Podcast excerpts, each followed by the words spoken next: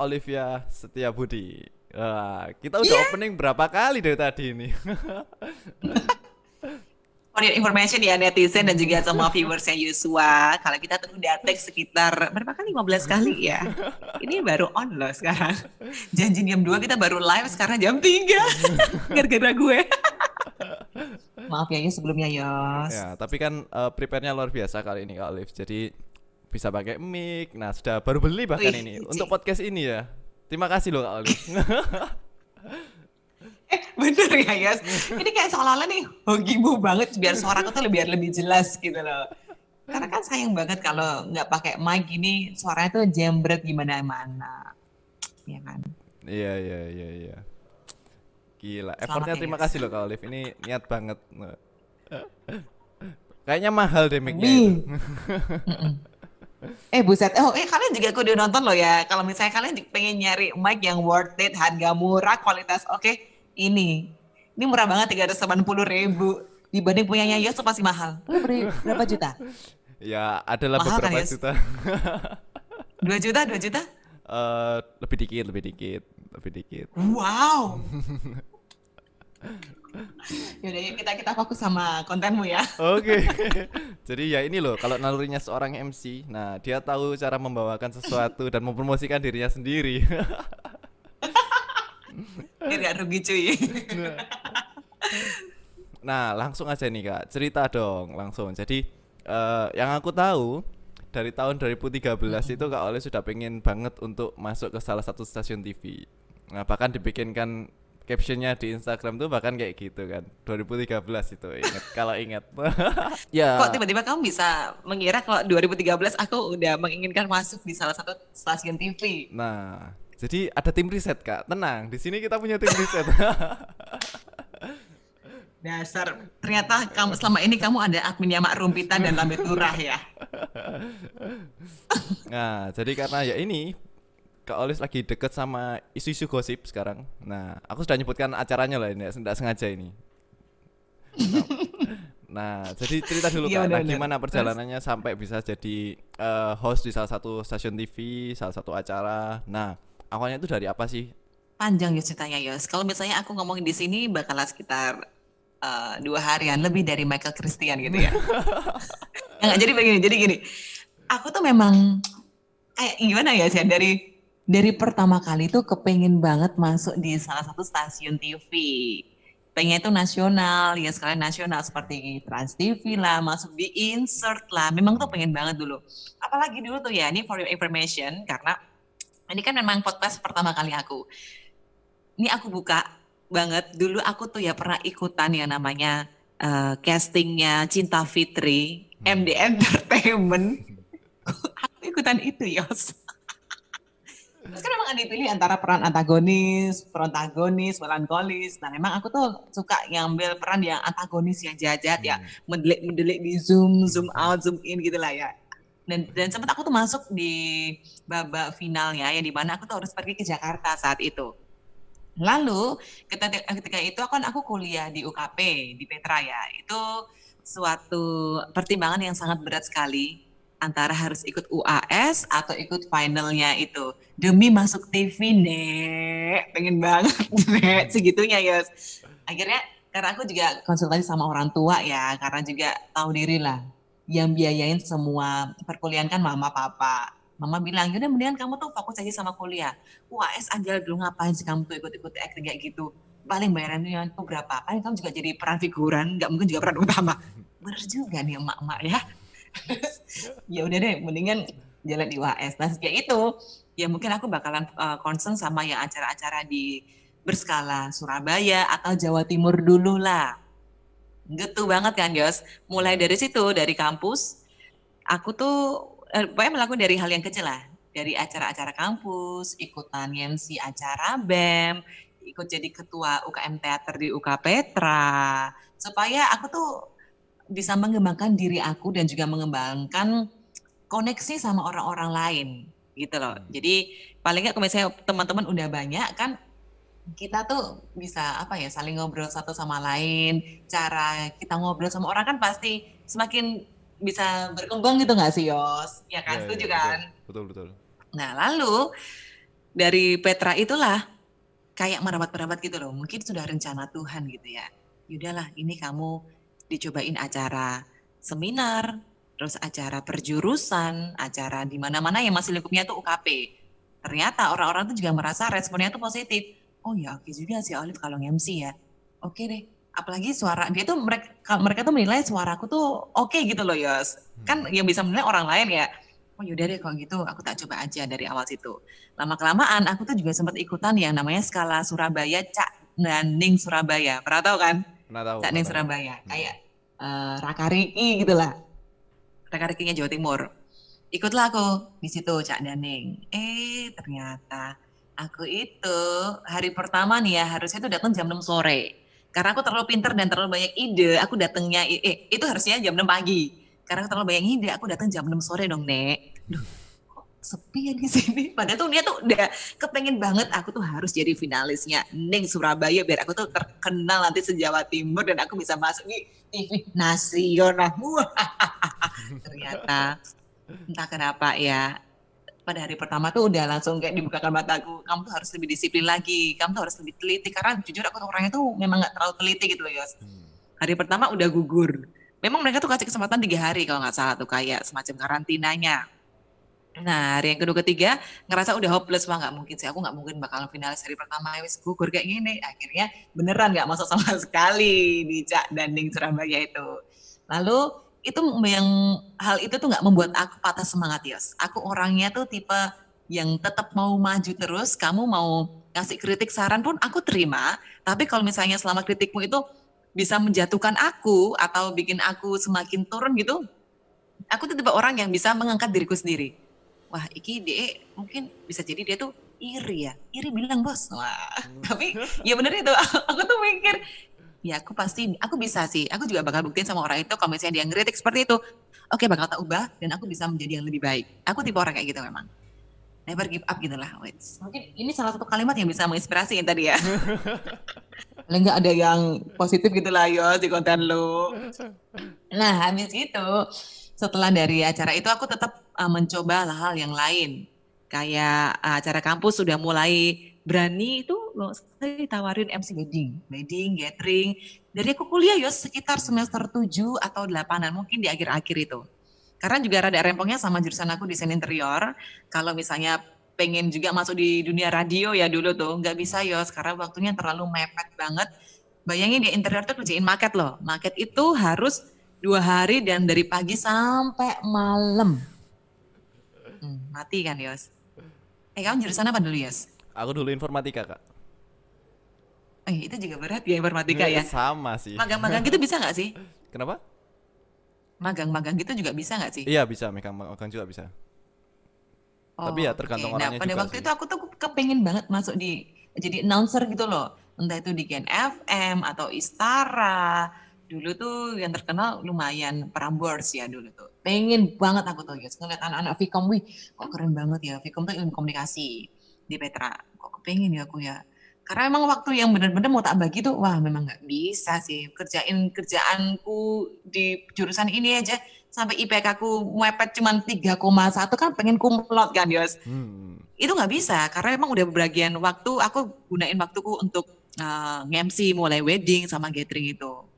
Lalu setelah akhir-akhir ini itu ya, aku tuh udah mulai berpikir ya Tuhan kalau misalnya aku uh, Tuhan nggak menempatkan aku di tempat yang yang aku pengenin mungkin itu dari seorang penyiar menjadi seorang penyiar atau menjadi seorang TV presenter di TV bukan rencananya Tuhan ya udahlah aku aku tak santai-santai aja aku lebih santuy aja wes nggak bakal sampai gutung-gutu lagi gitu loh Yos. Berusaha tetap tapi nggak sampai apa ya terobsesi nggak sampai kayak gitu banget mungkin kita juga karena umur ya udah boleh mikir lah ngapain juga ngejar-ngejar kayak begitu ya? Yang penting aku kerjain sesuai dengan usahaku yang semaksimal mungkin dan ini yang terbaik aku yang kerjain juga dengan hati dan untuk kemuliaan Tuhan. Anda haleluya saudara? Haleluya. Lalu ini baru banget ya ini juga bisa dibilang rencana Tuhan dan mukjizat itu benar-benar nyata gitu ya. Ya dari Tuhan terserah Tuhan. Aku memang kepengen jadi TV presenter Tuhan yang bekerja. Ada satu kali nih S, uh, eh, SBO TV itu kalau nggak salah produsernya Mas Januar, itu programnya tuh City Life. Nah itu aku ditawarin sama MC senior namanya itu Jova Alexa telepon aku. Olive, kamu mau nggak ini jadi TV presenter di SBO TV acara City Live nih acara anak muda. Wih beneran Kak Jova? Iya tak lagi butuh tak? Iya Liv kamu coba naik. Wah jadi aku diajak sama Jova dan juga ada Citra waktu itu hari pertama. Entah kenapa Yos, ih kalau yang programnya City Live ini dia tuh lebih kayak acaranya yang dunia punya cerita gitu loh. Jadi kita harus punya pengetahuan eh, pengetahuan yang agak luasan dikit gitu loh. Hmm. Tahu kan dia kayak kasih fakta-fakta beberapa kalau Indonesia ini punya ini nih nih. Hmm. Uh, dunia tuh punya ada segitiga bermuda. Ini lokasinya ini 45 derajat dari katulistiwa apa. Nah kayak gitu loh. Kayak on the spot nah, waktu gitu masuk ya. di situ kan padahal si coba bilang kamu santai aja. Ini acara anak muda dengan gaya bahasamu yang yang enak lah. Yang alay pun juga gak apa-apa tapi nggak berlebihan. Ya udah, aku pengen jadi diriku sendiri dan ketika aku waktu di take di kamera tiga dua satu kamera roll action aku tuh kayak diem gini loh ya kayak menjaga image banget di depan TV karena ya apa ya nggak tahu juga ya aku pengen orang-orang tuh ngeliat wih ada presenter baru wih memang ini manner banget nih presenternya ternyata memang bukan harus memang jadi dirimu sendiri begitu loh ya dan waktu saat itu Mas Januar itu si produsernya itu bilang yaudah kasih kesempatan satu lagi satu kali lagi. Memang yang namanya program itu juga menentukan karakter kita ya. Kayak nggak masuk sama sekali gitu ya. Wah aku nggak ngerasain feel sih di sini. Akhirnya nggak dihubungi sama Mas Januar sama sekali. Ganti nih, ada temanku lagi ya MC namanya tuh Rio Oliver ngubungin aku, Liv kamu mau nggak coba nih di program gosip? Wah, ini ya, aku tuh pertama tuh nggak kepikiran apa-apa kalau bakalan bener-bener nyaman di sini. Aku coba di sanalah nih program gosip ini di isu pertama kali aku tag tuh ya, produsernya langsung seneng. Dia tuh ngerasa Oh. kalau, wih anak ini cocok sih, iki lambe ini aja lambe sare Beneran. Dan akhirnya sejak eh, baru mungkin per April atau oh ah, Februari, Maret. Maret aku udah official masuk di keluarga besarnya SBO TV, program gosip bukan sekedar hansip. Yo ah. Cepet ya ceritanya ya. Wah, Atau Yosua udah mulai ngantuk di sana. nah, eh, ini kak. Jadi tadi kan sempat nyinggung juga kuliahnya. Jadi eh, sebenarnya kak Olive ini dulu kuliahnya desain interior. Nah, tapi kenapa kok tiba-tiba, nah jadinya MC kak. Jadi kenapa kok nggak neruskan desain interiornya? Kan pasti itu juga mungkin, nggak tahu dulu eh, sama orang tua gimana kak. Jadi eh, kak Olive pengen jadi MC ataupun jadi entertainer lah di TV, tapi eh, akhirnya kuliahnya ambil desain interior. Apakah memang menuruti keinginan orang tua atau memang keinginannya Kak Olive sendiri atau gimana? Bener ya, pertama, pertama aku tuh suka banget eh, masuk di ilmu komunikasi dulu di UNER, Yos. Masuk Yos dulu tuh. Jadi kelihatan pinter kan gue ya. Aku pengen antara ilmu komunikasi, desain interior, dan terakhir tuh adalah arsitek. Which, lalu memang udah kepikiran juga kalau kita harus mengerti kemampuan kita masing-masing ya. Kelihatannya komisi arsitek otak gue bisa jebol nih. Kalau ilmu komunikasi, TOEFL Inggrisnya pun juga harus get, harus gede kalau nggak salah saat itu. Udah tengah-tengah aja lah mendingan desain interior. Memang sedikit rada hopeless, tapi di situlah aku harus mulai sadar, hello Liv, kemampuanmu tuh di mana? Kamu tuh juga harus bisa mengukur dirimu sendiri, ya kan? Takutnya kalau misalnya kita masuk di arsitek, kemampuannya cuma di bawah doang, akhirnya kasihan nyokap bokap gue juga kali ya, harus bayarin uang kuliah. Iya kan? Ntar mutung, wah. Jadi omongan tetangga, wah. Omongan orang-orang arisan mamaku, wah. Itu yang paling pedes. Omongan netizen. Terus eh, waktu di masuk di dunia interior itu, eh, memang aku ada feel sedikit sih suka gambar-gambar perspektif, gambar sketching gitu suka memang. Dan puji Tuhan ya lama kelamaan semester 5, 6 wah udah ngerasa suka juga. Oh ya udah juga ya dengan desain interior ya. Asik juga ya kalau misalnya juga ternyata dibukakan matanya kalau misalnya kamu masuk di dalam suatu perusahaan dikasih proyek itu duitnya juga cuannya oke pula karena memang yang paling penting juga adalah cuan, say, cuan, cuan. nah, lalu waktu di, udah mulai mikir-mikir, seiring berjalannya waktu, eh, semester semester 7 8 aku tuh udah mulai dapet job banyak gitu, wedding, gathering itu yang aku cerita. Hmm. cerita sama mama papaku. Meskipun aku dibayarnya tuh ya saat itu cuman nasi kotak ucapan terima kasih Alif ya coba coba hmm, hmm, thank you ya. Atau itu biasanya dikasih amplop kosongan. Selamat ya Alif ya ya PPAP gitu lah kliennya kurang ajarin. Nah, terus meskipun bayarannya paling cuma 200, 500 ribu, tapi kan udah lumayan bersyukur kan, Yos. Ya. Anak kuliah gue harga segitu dapat 200 ribu udah, wih lumayan mau beli sepatu atau beli tas yang mungkin nggak branded, tapi ya ini hasil kerja kerasku, sebangga itu memang. Hmm. Tanya sama orang tua, mah ini aku kepengen MC mah, aku tuh juga kepengen interior sih, iya Pak mau ya. Untungnya, aku beruntungnya juga mau papaku tuh tipe orang yang sangat mendukung sekali apa yang dikerjakan anak-anaknya. Jadi so open minded banget sama papaku tuh.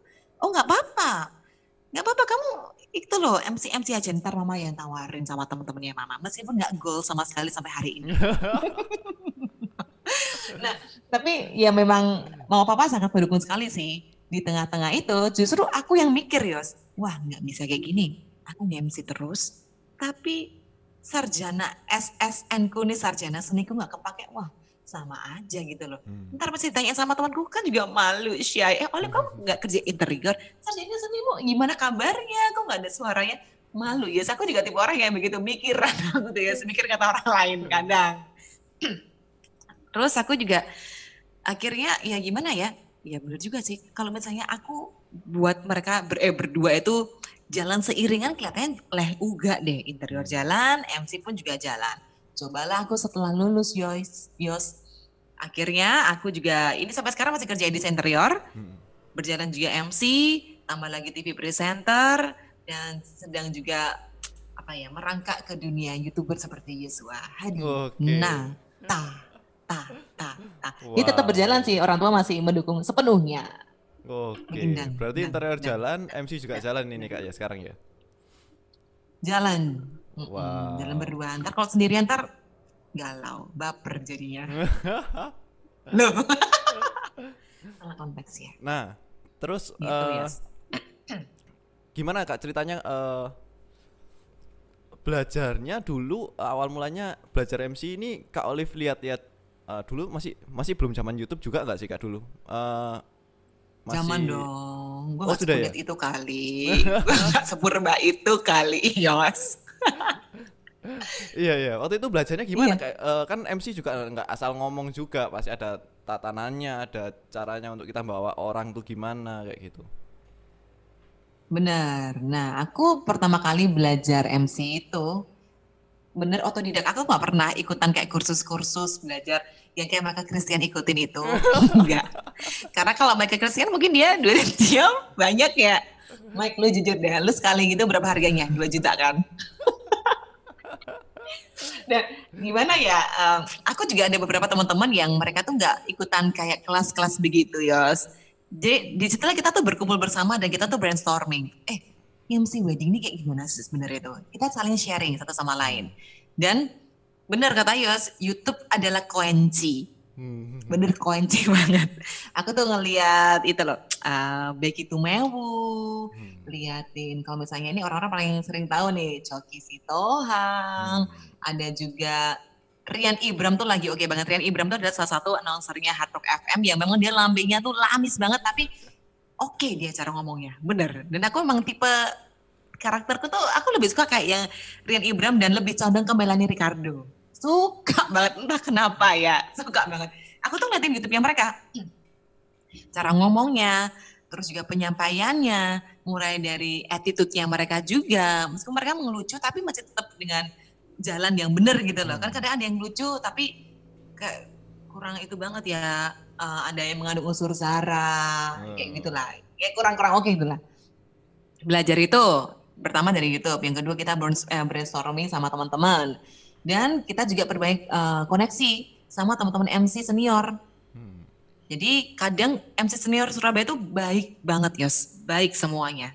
Termasuk kayak kemarin tuh ditawarin sama Citra, Mas Ayu Maya, Trita Oh. nih. Mereka kan juga orang-orang yang punya nama di Surabaya kan udah lama juga masuk di dunia industri hiburan gitu kan ya sama Lani Cowasi, cita-cita mereka. Kamu kalau misalnya mau nge-MC wedding atau apa pun, kamu kepengen ngelihat carku nge-MC, kamu datang aja.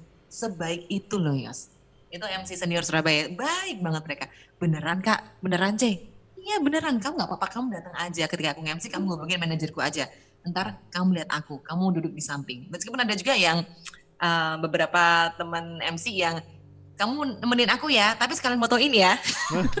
gak mau rugi Syai. Tapi untuk yang kali ini teman-teman yang aku kenal itu, dia nggak nyuruh aku untuk foto-foto, enggak. Kamu nonton aja cukup ngelihat gimana caranya, eh, step-stepnya, template-nya ketika kamu nge-MC itu kayak gimana. Itu, jadi belajar dari tiga hal itu. Nggak ikutan kelas-kelas begitu juga sih, harusnya kepingin ikut Yos. Tapi ya mm, mikir lagi ya selain karena wait, bukan karena waktunya nggak ada karena duitnya juga mepet cuy saat itu tuh harus nabung dulu kalau nggak salah sekitar 6 jutaan atau berapa juta, oh. 10 juta kelihatannya tuh Yos.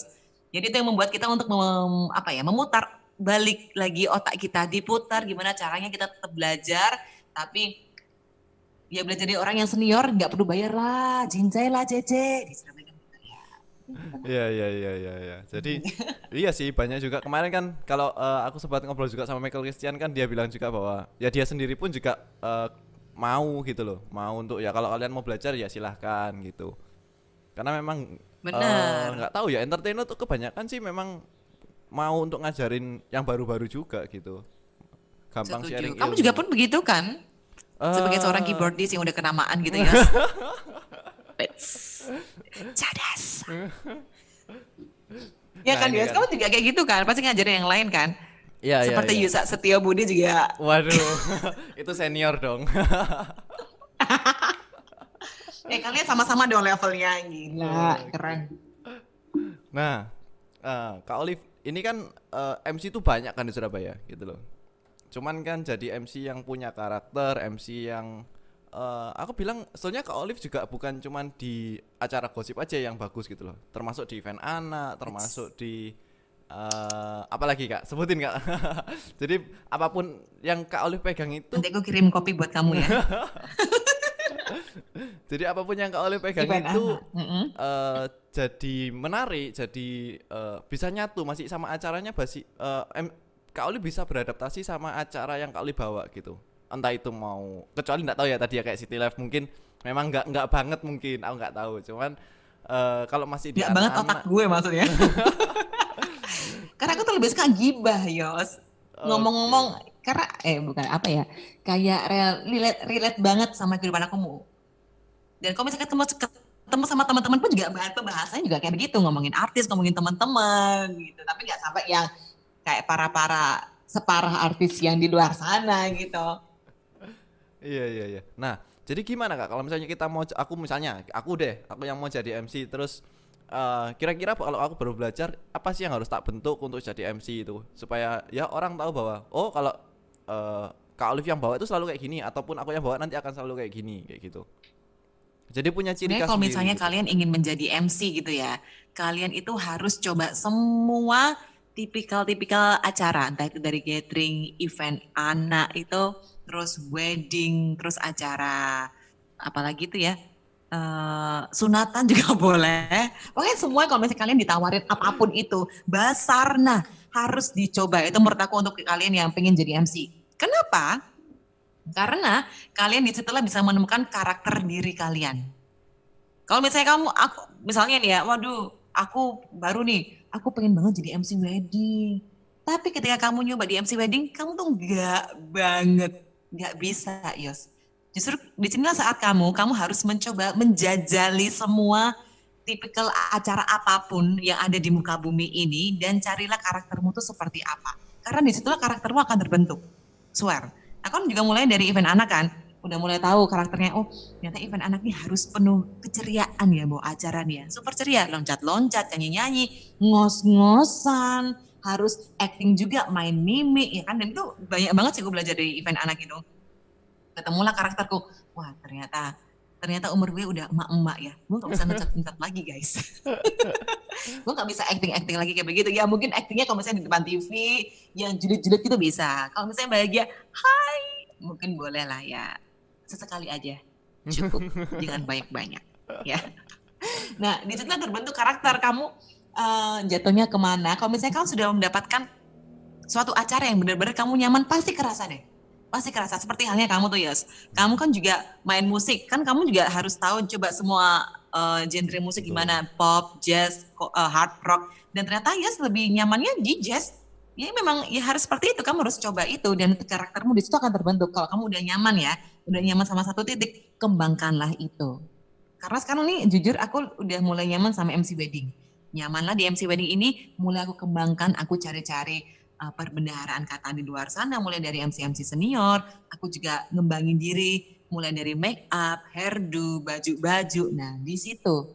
Jadi memang harus dicoba semua mulai aja dulu. Jangan takut takut aduh ntar ini aku takut gak bisa ngomong apa ini. Enggak jangan sampai kayak gitu. Kamu harus bisa mengpush diri kamu dan juga harus bisa apa ya uh, bikin pikiran kamu tuh kalau kamu tuh bisa bisa semua hal lah. Dan itu yang aku mulai kayak gitu Yos. Ditawarin apa pun event apa pun aku tuh nggak pernah nolak loh Yos. Nih oh. acara ini ya gathering Liv acara kalaupun ada acara sunatan pasti tak terima. Karena apa? Karena aku tuh pengen tahu aku nyaman gak sih di acara ini. Beneran. Kalau udah nyaman baru dikembangin. Super. Super. Wah. Iya harus ya harus dicoba semua. Iya iya iya betul betul. Jadi uh, ya kita cari dulu mana yang kira-kira kita nyaman. Akhirnya nanti dari situ ya kita langsung dalami aja yang apa yang kita memang kuasai. Jadi apa yang jadi strengthnya kita kan apa yang jadi yang kekuatan kita ya di situ lah kayak gitu. Hmm, karena juga banyak kan Yos dari MC-MC ini yang memang mereka udah coba masuk di MC wedding yang notabene-nya tuh formal gitu ya. Hmm. Dia tuh MC informal, masuk di sana gak cocok, klien gak suka, IO juga gak bisa sih orang ini, gak bisa sih. Kayak gitu loh. Jadi ya memang harus juga belajar dan juga ini informasi kalau misalnya kalian juga pemula nih ya, pengen juga nge-MC, jangan lupa kalian kan mau perang nih, kalian juga harus siapkan semua peralatan-peralatan perang kamu. Itu analoginya ya. Dengan maksud kamu juga harus melihat orang-orang yang ada di luar sana gimana caranya mesti yang baik. Terus juga gimana caranya kamu ngomong tapi nggak menyinggung orang-orang yang ada di sekitar kamu itu juga penting loh. Karena kan ada yang cuma mereka cuma bondo berani tok tanpa ada alat-alat perangnya, tanpa ada ilmu pengetahuan apa, mereka langsung iya iyain aja. Wah, jadi bumerang loh. Yeah. Menarik aku pernah ketemu ada MC Basar. Terus ini sekedar cerita nggak apa ya gibah-gibah. Yeah, Bukan yeah, gibah yeah. sih, ini realita, fakta, fakta ada yang si Basar gitu menurutku dia tipe orang yang dia berani dia bondo nekat oke okay, bagus mentalnya tapi yang kurang itu dia adalah dia tidak uh, memenuhi semua otaknya dia dengan kata-kata yang baik dengan attitude yang baik wah itu itu hancur ya pasti. Karena waktu dia di basar itu ngomongnya tuh ngasal yos. Hmm. memang dia pede. Dia ngomong sama orang ngomong tuh yang harusnya dia dipanggil CC dipanggil AI Nah, itu kan orang kan, Ih, gila nih orang parah sih. Kan apalagi seorang wanita tuh lebih sensitif loh. Hmm. Responsif sekali dengan kata-kata yang seperti itu loh. Gue cici lu panggil AI. Gila loh. Nah, setelah itu dia nggak dipakai dong, Nek. Attitude juga penting sih kalau misalnya menjadi orang, eh, jadi MC pemula.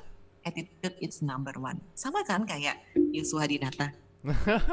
Berat. Yeah. jadi ya apa pun lah apa pun profesinya ya memang attitude nomor satu sih. Karena ya di dunia entertain mm -hmm. juga apalagi itu sangat dilihat. Skill itu karena banyak orang juga yang jago-jago tapi ya kalau attitude-nya ndak oke juga orang susah untuk kerjasama juga gitu. Hmm embira. Bener yos. Itu juga menentukan harga kita loh nanti. Kalau attitude kamu baik naik ntar hargamu. Waduh itu penting kayaknya. Itu yang paling penting attitude iya kalau Michael Christian ngomongin attitude juga kemarin enggak sih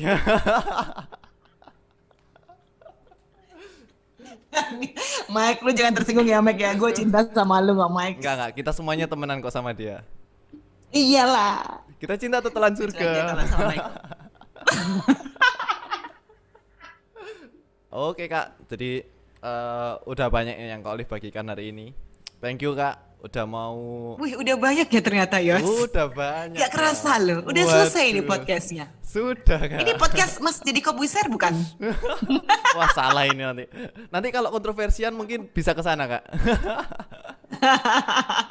Jangan dong Jangan sampai iya. dong ya. Ini juga Yes kamu uh, udah berapa subscribers? Uh, masih belum banyak kok kak. Masih sampai sekarang masih belum banyak Karena uh, baru mulai juga kan ini baru sampai episode ke yang baru tayang mungkin sampai hari ini uh, 8 8 episode.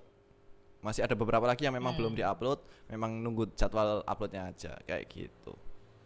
Mm bener-bener. Apalagi juga masalah corona kayak begini kan, event-event udah udah mulai berdatangan nggak kamu Yos? Event belum nggak belum karena event nggak banyak juga kan nggak berani juga protokolnya kan harus ketat juga kayak gitu Mm-mm. Kemarin Iya aja sih, kunci Michael untuk Christian kita kan ya juga sih bilang, orang event. Heeh. Mm-mm, Michael Christian juga bilang kan kemarin sampai pakai face shield sama pakai masker kan. Kan susah juga jadi MC harus pakai kayak gitu. Nggak tahu sih. Mm. Iya benar-benar. Ada sesak napas juga misalnya pakai masker. Ya kan, untungnya ya udahlah nggak apa-apa juga demi kebaikan kita kan. ya, kita betul. jaga diri kita sendiri, jagain orang lain. Oke deh. Gitu. Thank you, Kak. Sehat terus ya Yos ya. Siap, Sama-sama. God bless you. God Ingat bless. kunci tahun 2020 ini adalah bahagia, berserah diri dan bersyukur. Itu kuncinya. Oke, wow.